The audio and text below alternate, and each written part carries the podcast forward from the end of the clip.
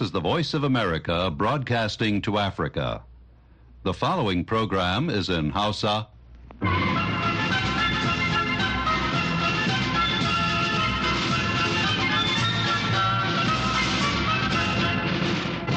Sashen Hausa na murya Amurka ke magana daga nan birnin Washington DC.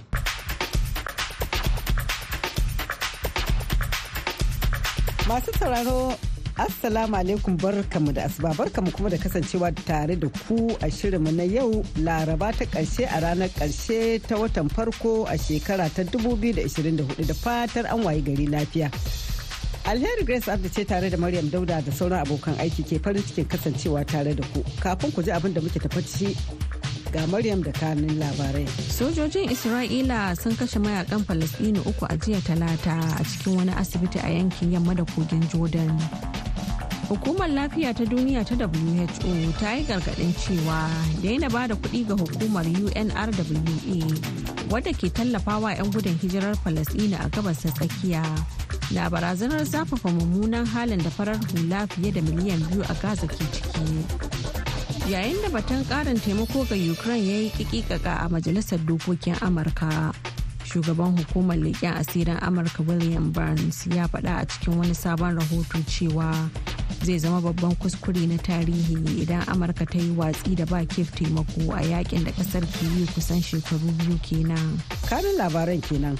Bayan labaran duniya murtala faruk na zai shigo da shirin baki mai yanka wuya wanda a yau ya haska fitila kan batun ficewar waɗansu ƙasashe uku daga ƙungiyar ecowas a cikin wannan makon. Idan ka diba waɗannan ƙasashe banda suna sahun baya yau suna da matsalolin tsaron ƙasa. Banda matsalolin tsaron ƙasa waɗannan ƙasashe yau suna da matsaloli da makwabtansu da dama. A ɓangaren rahoton mu kuma za mu leƙa ƙasar Kenya inda ake shirin gudanar da wani babban taro na ƙasa da ƙasa kan harkokin tsaro a daidai lokacin da ƙasar ke fuskantar ƙaro matsalolin tsaro da suka hada da fitaucin miyagun ƙwayoyi da ayyukan ta'addanci. Amma kafin mu kai ga waɗannan duka ga Maryam da halin da duniya ta waye gari. Jama'a Assalamu alaikum ga cikakkun labaran. Sojojin Isra'ila sun kashe mayaƙan Falasɗinu uku a jiya talata a cikin wani asibiti a yankin yamma da kogin Jordan. Cikin mayaƙan dai har da wani da sojojin Isra'ila suka ce dan ƙungiyar Hamas ne da ke shirin kai wani harin. Jami'an lafiyar Falasɗinu sun ce sojojin Isra'ila sun harba mutanen uku har lahira bayan da suka afka asibitin Ibn Sina da ke Janan. Wani bidiyo da rahotanni suka ce an samo daga na'urar ɗaukar bidiyo ta asibitin. Ya nuna kimanin sojoji goma sha biyu sanye da kayan farar hula ko kuma kayan jami'an da ke aikin asibiti da rigar likitoci. Dauke da bindigogi suna bi ta wani zauren asibitin. Kamfanin dillancin labaran reuters wanda ya samu bidiyon ya ce alamomin asibitin da kuma launi da irin ƙofa da bangon da ke cikin bidiyon sun yi kama da wani hoto da ya taba ɗauka a asibitin hukumar lafiya ta duniya ta yi gargaɗin cewa daina ba da kuɗi ga hukumar unrwa wadda ke tallafawa 'yan gudun hijirar falasdinu a gabas ta tsakiya na barazanar zafafa mummunan halin da farar hula fiye da miliyan biyu a gaza ke ciki waɗanda galibinsu ke fuskantar yunwa rashin lafiya da kuma barazanar mutuwa daga bazuwar cututtuka masu yaɗuwa. Fiye da ƙasashe sha biyu ciki har da amurka sun dakatar da bayar da kudade ga hukumar ta unrwa biyu bayan zarge-zargen cewa wasu ma'aikatan hukumar na da hannu a farmakin da mayaƙan hamas suka kai wa isra'ila a ranar 7 ga watan oktoban bara. A jiya talata kakakin hukumar lafiya ta duniya ta who christian landmeyer ya ce ba za a taɓa barin waɗanda suka aikata manyan laifuka su tafi haka nan ba ba tare da an hukunta su ba. Amma wannan tattaunawar a halin yanzu tamkar kau da hankali ne akan ainihin abin da ke faruwa a duk rana a kowace sa'a a kowane minti a gaza. Yayin da batun karin taimako ga ukraine ya yi kikikaka a majalisar dokokin amurka shugaban hukumar leƙen asirin amurka william burns ya faɗa a cikin wani sabon rahoto cewa zai zama babban kuskure na tarihi idan amurka ta yi watsi da ba kef taimako a yaƙin da ƙasar ke yi kusan shekaru biyu kenan. Batun kuri'ar da 'yan majalisar dokokin ƙasar za su kada a kan kudirin ba da sabon tallafi na dala biliyan 60 ga ukraine an alakanta shi da dokar tsaurara matakan shige da fice a kan iyaka amurka da mexico. Sai dai har yanzu ba a daddale a kan cikakken bayanai game da sabuwar dokar ba. Kuma batun yin dokokin gaba ɗaya ya shiga harkokin siyasar yaƙin neman zaɓen shugaban ƙasa na shekarar nan ta 2024 lamarin da ya jefa batun samar da ƙarin taimako ga ukraine cikin shakku. To kuna shan labaran ne daga nan sashen hausa na muryar amurka a birnin washington dc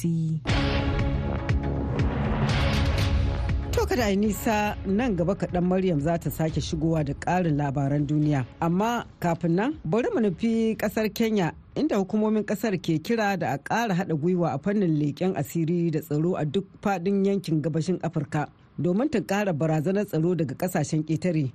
A wannan makon ƙasar za ta karɓi bakoncin shugabannin tsaro da na leƙen asiri daga ƙasashen afirka goma sha huɗu domin tantance gibin da ake samu a fannin tsaro da kuma magance matsalolin da suka hada da ta'addanci da fashin teku da safarar miyagun ƙwayoyi da kuma safarar mutane. Ga hawa sharif da fasarar rahoton da wakilin murya amurka muhammad yusuf ya aiko. Kasar kenyan ta ce makasudin taron na wannan makon shine domin ƙarfafa aiki tare da haɗin kai domin yakar matsalolin tsaro tsakanin ƙasa da ƙasa. Mataimakin shugaban kasa rigati gachuagua ya shaida wa jami'an tsaro da ke halartar taron a birnin mombasa da ke kusa da ruwa cewa kasancewa cikin sanin halin da ake ciki da kuma dabarun sanin makama na da mahimmancin gaske wajen tunkarar kalubalen barazanar tsaro da ta dabebe yankin da ma duniya baki ɗaya. National Intelligence Service officers are an essential component in collection of evidence-based information. Gacaguwa ya ce jami'an leƙen asiri na ƙasa na da muhimmanci wajen tattaro bayanan gaskiya domin jami'an sauran ƙasashe su ɗauki mataki. A yanayi irin wanda daba-dabar masu aikata laifi ta baza a kowane ɓangare na duniya ba zai yiwu a bar ayyukan leƙen asiri a baya ba. Gacaguwa ya ƙara da cewa ƙasashe takwas da suka haɗa da al'ummar gabashin Afirka da Comoros, Djibouti, Eritrea, Ethiopia, Malawi, Mozambique da Seychelles sun haɗu wuri guda domin gina hulɗar aiki tare a sha'anin tsaro domin durkusar da barazanar ta'addanci ƙwayoyi safarar mutane da yadda ƙungiyoyin da ke ɗauke da makamai ke amsha iko akan albarkatun ƙasa kamar arzikin ƙarƙashin ƙasa da ke jamhuriyar demokaradiyyar congo. Ofishin da ke sa ido akan sha'anin ƙwayoyi da laifuffuka na majalisar ɗinkin duniya ya ce kudanci da gabashin afirka sun fara zama wata hanyar da masu safarar mutane da masu aikata laifi ke ratsawa su wuce inda masu safarar mutanen kan riƙa gudanar da kulle su ta kan iyakoki ta yin amfani da wayar hannu da sauran manyan na'urorin sadarwa yadda da wuya a iya daƙile sana'ar tasu. An dai ɗora alhakin karuwar aikace-aikacen nasu bisa matsalar cin hanci da rashawa rashin haɗin kai da gurguwar alaƙa tsakanin wasu ƙasashen na afirka. Richard Tuta kwararre ne a sha'anin tsaro a ƙasar Kenya. Ya ce taron na ƙoƙarin samar da sauƙi tsakanin ƙasashe da hukumominsu na leƙen asiri. That conference is trying to bring about uh, to end about suspicion. Tuta ya ci gaba da cewa taron na ƙoƙarin kawo ƙarshen rashin yarda tsakanin hukumomin leƙen asiri daban-daban. Kuma da zarar an kawo ƙarshen wannan rashin yardar, to daga nan za a sami yin aiki tare, tare da musayar bayanai a tsakanin dukkan irin waɗannan hukumomi na leƙen asiri. Saboda a can baya za a fahimci duk a cikin zargin juna ake. Tuta ya ce a wasu lokutan ƙasashe kan yi musayar bayanan sirri da sukan daƙile ayyukan ta'addanci kamar irin su Kenya da Somalia da ke yin aiki tare wajen yakar ƙungiyar Al-Shabaab. Haka ma ga Chuagua ya ce dole ne jami'an tsaro a yankin su samar da ƙarin dabarun gasa ma irin waɗannan ƙungiyoyi da na dabar-dabar masu aikata laifuffuka aya a hannu. We must be armed with highly innovative infrastructure for tracing tracking and monitoring potential threats. Kachuwago ya kara da cewa dole ne mu zama cikin shiri da kayayyakin aiki irin na zamani domin ɗana tarko da kuma bin diddikin gano duk wata irin barazana domin yin rigakafinta da kuma yin waje da ita. Shugabannin hukumomin tsaro da ke nan mashawarta ne akan muhimman matakan da ƙasashe ke ɗauka. Dole ne aikinka ya tafi daidai tare da tsare-tsaren matakan shari'a da na gudanarwa domin ɗorewar maganin matsalolin tsaro kuma a shirye muke mu ɗauki duk wata shawarar daidai da za a ɗora mu a kai a matsayin muhimman tsare-tsaren gudanarwa. Gudanarwa da sajewa a sha'anin fasahar zamani domin inganta sha'anin tsaro. To sai dai tuta ya ce, inda ra'ayin siyasa da diplomasiyar ƙasashe ya karkata zai shafi yanayin yadda za su yi aiki tare. Remember, these are totally independent entity. Idan ka tuna waɗannan gaba ɗaya hukumomi ne da ke cin gashin kansu da ke aiki da manufofi daban-daban. A wani lokacin manufofin kan yi daidai da juna, a wasu lokuta kuma manufofin kan ci karo da junansu. Wani abin kuma shine yadda irin waɗannan hukumomin leƙen asirin a can gida kan kasance 'yan koren shugaban ƙasa. Wasu kuma na ƙasar ne kanta. A ranar Alhamis ne dai ake sa ran kammala babban taron haɗin kan na mashariki a birnin Mombasa. a gaida Hawa da fassarar rahoton Muhammad Iso. Bari kuma mu koma ɓangaren labaranmu ga Maryam da ci gaban labaran duniya. Jiya talata shugaban ƙasar China Xi Jinping ya karɓi takardun shaidar jakadu daga ƙasashe da yawa ciki har da Afghanistan makwabciyar China. Wanda hakan ke nuna wannan ne karan farko da wata babbar ƙasa ta amince da gwamnatin Taliban a hukumace. shi ya marabci bilal karimi jakadan afghanistan da gwamnatin taliban ta nada a wani biki da aka yi a babban ɗakin taron great hall of the people tare da jakadan ƙasashen cuba pakistan iran da sauran wasu ƙasashe 38 ƙasar china ta fahimci abin da sauran ƙasashen duniya ba su fahimta ba. Abin da mai magana da yawon gwamnatin taliban zabihullah mujahid ya rubuta kenan a shafin sada zumunta na x. A jiya talata an rufe masana'antu da shaguna a garuruwa da yawa a yammacin Iran. Inda galibi kurdawa ke zama a wani matakin yajin aikin gama gari na nuna rashin amincewa da hukuncin kisa ta hanyar rataya da aka aiwatar akan wasu kurdawa huɗu a ranar litinin waɗanda aka samu da laifin hada baki da isra'ila a cewar 'yan rajin kare haƙoƙin bil'adama.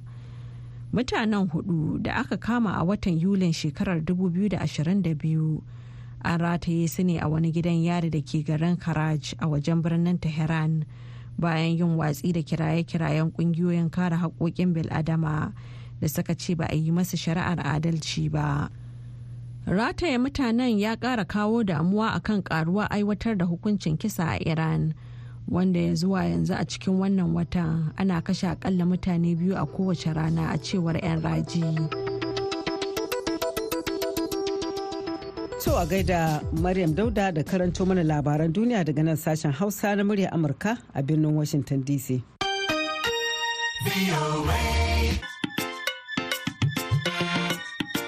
Har yanzu kuna tare da sashen Hausa na murya Amurka da ke watso shirye-shiryen kai tsaye daga nan birnin Washington DC. Kuna kuma ya sake sauraron mu a duk lokacin da kuke buƙata a voahausa.com. Yanzu kuma ga Murtala Faruk Sanyina da shirinmu na gaba. Baki mai yanka wuya.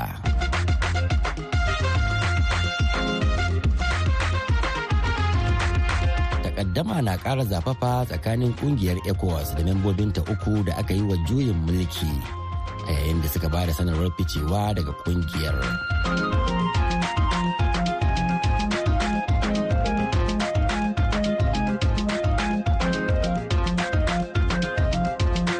Jama'a Assalamu alaikum.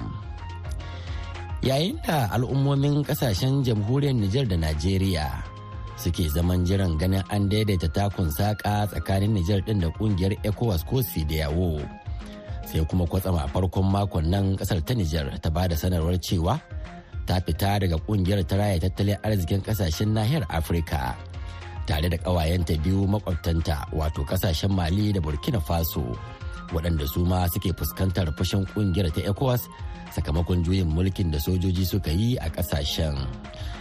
Ecowas ɗin dai ta ƙaƙa bawa nijar takunkumi ne sakamakon juyin mulkin da sojoji suka yi a watan yulin da ya gabata wanda ya hamɓarar da zababben shugaban ƙasar muhammad bazoum tare da ɗora abdulrahman chani a zaman shugaban mulkin soji. Takunkumin wanda ya jefa 'yan ƙasar ta nijar a cikin wani mawuyacin hali har ma da barazanar kai mata hari da ecowas din ta yi a farko ya sa nijar din kulla kawance da makwabtanta na mali da burkina faso waɗanda kuma suka yi barazanar yin taron dangi ga duk wanda ya yi ƙoƙarin kai wa nijar din hari inda kuma daga bisani suka ce sun maya da ƙwallon mangwaro domin su huta da kuda ta hanyar ba da sanarwar ficewa daga cikin ƙungiyar. Bashar Mamman shugaban gamayyar ƙungiyoyin farar hula a jamhuriyar Nijar ya bayyana musabbabin ɗaukar wannan mataki. e to wannan mataki ya yi daidai da abin da al'ummomi suke jira saboda kasan tun da aka yi juyin mulki 26 ga watan juli an ma ƙasar niger wasu kakuban matakai hadda ma wato rihe iyaka da sauransu da aka yi tsakaninmu da benin da ƙasar nigeria eh, to kuma sai ma hau watan disamba kadai goma ga watan disamba wai ita sai din wai ta ma lura da nijar an yi juyin mulki kuma ta yarda da magabatanta wanda suke bisa kan karagar mulki a halin yanzu. To duk da haka nan aka yi hankuri aka yi ta ci gaba da tattauna da su don a samu maslaha a ga inda za a hita don a ci gaba da zama tare cikin girmama juna. To wanga 20 ga da biyar da watan wannan januwari wanda ya zo kenan shekaran jiya ana jiran su wato magabatan sai kuku wanda aka wakilta su yi magana da sunan magabatan su zo don a tattauna da hukumomin nijar sai aka lura da babu gaskiya cikin al'amarinsu.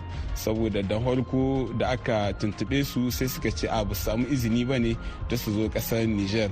Aka tura masu izinin kuma aka gwada su kowa ya gani. Sannan da suka sami izinin kuma suka ce a jirgin su ne ya lalace. To kowa kau ya san abuja yadda ke da jirage kowa ya san yadda airport din abuja yake a yi zancen jirgi ya lalace wannan ba magana ba ce wadda ake iya mai hankali ya ɗauke ta. amma ya kake gani shi wannan mataki ba zai iya shafar makomar talakawa ba rayuwar yau da kullum wataƙila zai kasance wani mafari na takaita zirga-zirga kai da kawo tsakanin al'ummomin ƙasashen nan. e to lalle wannan da wuya saboda kasan na farko su talakawan wanda suke cikin ƙasashen dama dai wannan matsala bata shahi su ba tunda har da wannan duk matakan da aka ɗauka sun ci gaba da hulɗar su ta yau da kullum. Ina kyaukyawan zaton har ga halin yanzu za su ci gaba da wannan hulɗar ba tare da sun yi wani la'akari da wannan matsala wadda ta faru ba cikin ecowas. Saboda kowace ƙasa ta san ƙasa tana da incin ta shiga ƙungiya ko ta hita daga cikin ƙungiya. Idan ta lura da ba ta samun yadda take so cikin ƙungiya ba abin da ke tilasta mata ta tsaya cikin wannan ƙungiya saboda matakan da sai ta ɗuka game da niger matakai ne wanda babu su ko ina a rubuce cikin ƙudurorin da ya kamata a ma ƙasa in ta yi wani abu wanda ake ganin ya saba ma ka'idodinta na sidiyawo. To sai dai a nashi ɓangare shugaban ƙungiyar FCR a Nijar din Sule Umaru yana ganin cewa matakin ƙasashen uku bai dace ba. To lallai wannan yunkuri na mai da agogo baya da waɗannan ƙasashe sun kai sai mu ga cewa da abu ne wanda zai kawo ma ƙasashen su matsaloli. sabili da ka diba waɗannan ƙasashe guda uku wato duk cikin ƙasar ecowas duk cikin ƙasashen sadiyawo su ne na baya cikin sahu su ne jerin baya su ne baya ga tattalin arziki su ne baya a zahiri ga arziki. Don haka yau su da baya ɗin su ce sun yi ta cikin wannan wato wato haɗin gwiwa da an kai na neman ci gaban ƙasashen sadiyawo wato mai da ƙasashen su baya ne. Dalili ko idan ka diba waɗannan ƙasashe banda suna sahun baya yau suna da matsalolin tsaron ƙasa.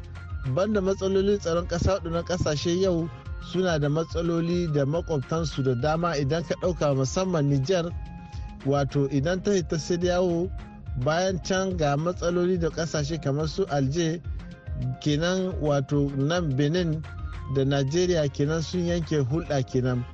Baya da haka nan kuma idan ka diba iyakar nijar mali da burkina ba a iya hita akwai matsalar tsaro.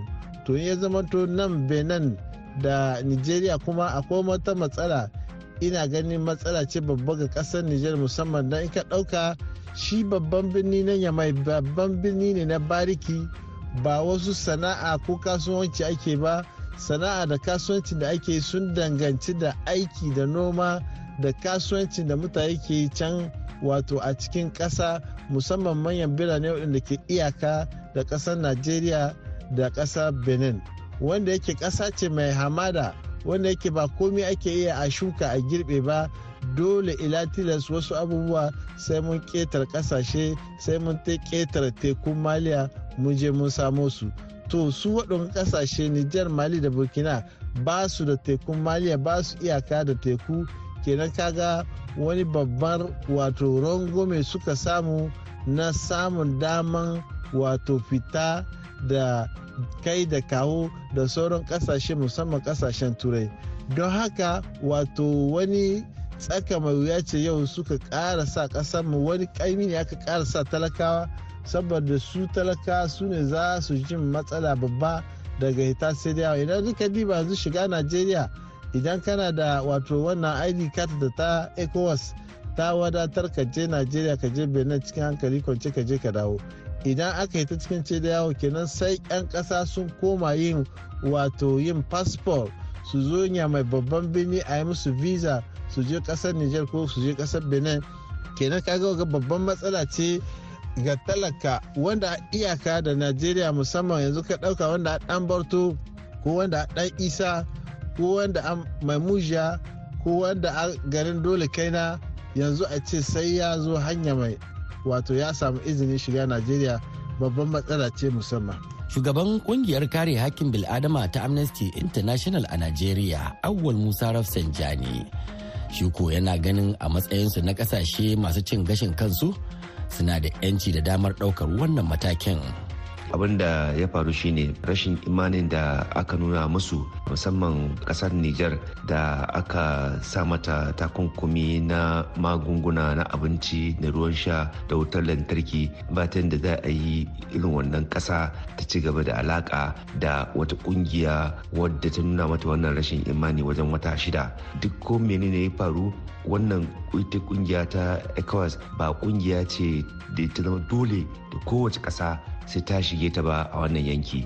A'a ita wannan ƙungiya ƙungiya ce ta sa kai ta ganin dama da ake shiga don a tabbatar da cewa an bunkasa tattalin arziki an bunkasa haɗakayya an bunkasa al'adu an bunkasa zaman lafiya. To waɗannan ƙasashe kamar yadda aka sani ƙasashe ne masu gashin kansu suna da 'yancinsu kuma suna da damar da za su shiga kowace ƙungiya kuma kuma suna da damar da idan waɗannan ƙungiyoyin suna ga cewa ba su da amfani a gare su su fice.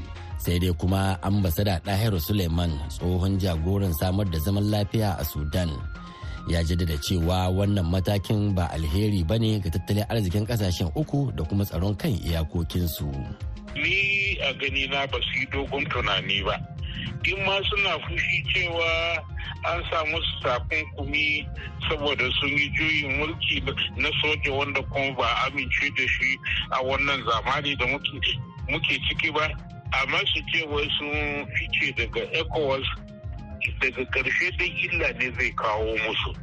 Don waɗannan ƙasashen su suka fi talauci a cikin wannan ƙungiya na ƙasashe sha biyar da yanzu suka zama sha biyu. Tun da sun fita daga waɗannan ƙasashen. Ba su da hurumi da za su shiga cikin sauran ƙasashen nan sha biyu ba tare da su nemi visa wato izini na shiga kasan ba. Da za su tashi ne su shiga ko ina da suka ga dama. Amma yanzu daga sun fice daga cikin wannan ƙungiya ba za su tashi su shiga wata kasa ba tare da an ba su izini su shiga ba. Kayya da ake yi tsakanin su da sauran ƙasashe da suka rage goma sha biyu wannan ya nuna zai ragu sosai. Tun ma ba da kamar Nijar da Najeriya da aka rufe boda mugun illa zai kawo wa mutanen Nijar. To yayin da ƙungiyar ta Sidiyawo ta ce har yanzu bata sami takarda a hukumance da ke bayyana mata saƙon ƙasashen na Nijar da Mali da Burkina Faso kan cewa sun fita daga cikin ta ba. Wani masani shari'a kuma lauya ɗan ƙasar Nijar da ke zaune a ƙasar Faransa barista Bashir Ahmadu ya ce ai ƙasashen uku ba su fito ba. Domin kuwa ba su cika ka'idodin da aka gindaya na ficewa daga ƙungiyar ba. ita niger da mali da burkina faso sun ce sun hita cikin hukuma ecowas gaba ɗaya. Avec effet immédiat kenan sun hita gaba ɗaya. Amma hukumar ecowas ta tsaida doka ta kwatanta yadda ake hita cikin hukuma. To yanzu kenan abin da suka gayi kin nan sun gayi ne don su ba mutane labari da za su hita. Yanzu abin da kamata a yi tun da hukumar ecowas ta ba kowace kasa incin ta hita in tana so amma ba haka ake hita ba. Hita yadda ake yi sai an rubuta an aika can a ecowas. Sannan cikin shekara guda su yi procedure kin na hita ciki. Kuma wannan shekara da aka ba da kahin a hita gaba ɗaya ai dan a samu ne wata ranko cikin harkokin a samu a sasanta. Don shine aka ba da lokaci mai nisa ƙwarai a ba da shekara guda. Cikin shekara guda ai ana iya tattaunawa kuma a samu haɗin kai. Sannan in an samu haɗin kai ko an nuna da za a hita ai ana iya dawowa bisa sa. Kenan communication da suka yi don su kwatanta ma mutane ne su gaya mutane da suna da niyyar hita. Amma ba su hita ba tukun. Sai sun rubuta takarda sun aika a ecowas. To amma metr wasu na ganin ita kanta ƙungiyar ta sai da yawo ba ta mutunta dokokin da suka kafa ta. Misali idan aka ɗauki misalin niger um, ana ganin kamar kai tsaye ta ɗauki ta kakaba wa ƙasar takunkumi. Alhali uh, ana kwatanta cewa abu ne da babu inda dokokin ƙungiyar suka tanadi yin haka. ai wannan ba gaskiya ne ba. Sai da yawo tana da inci in an yi juyin mulki cikin kasa akwai protocol kin da ke ba ta inci ta ɗauki wasu decision mai sa kasa a fat a takunkumi. Amma abun da aka yi cikin harkar juyin mulkin na niger sai da ta yi kuskure. Ta yi kuskure tun babu inda dokar sai da yawo take ba da inci a ta a ɗauki sojoji a zo a yaƙi a cikin ƙasa. Wannan babu ita. To ga kuskuren da aka yi. Amma ba dan an yi kuskure wajen sai da yawa ba za a cewa ai mu ma ba mu bin dokoki. Yau in ba abin dokoki ai abu bai ba mana. Ba a hana ku hita ba amma an ce ku bi hanyar ga hanyar da ake bi a hita. To ku bi hanyar ku hita. Ba dan ita sai da yawa ita ma da kanta bata aiki da dokokinta ba za a cewa ai mu ma ba mu aiki da shi. Akwai ƙasashe da ke cikin sai da yawa ka wasu togo da ba su yarda da amur da ake cikin sai da yawa ba. Kenan dole ne a bi hanya a hita in an samu sa'a ko a gyara.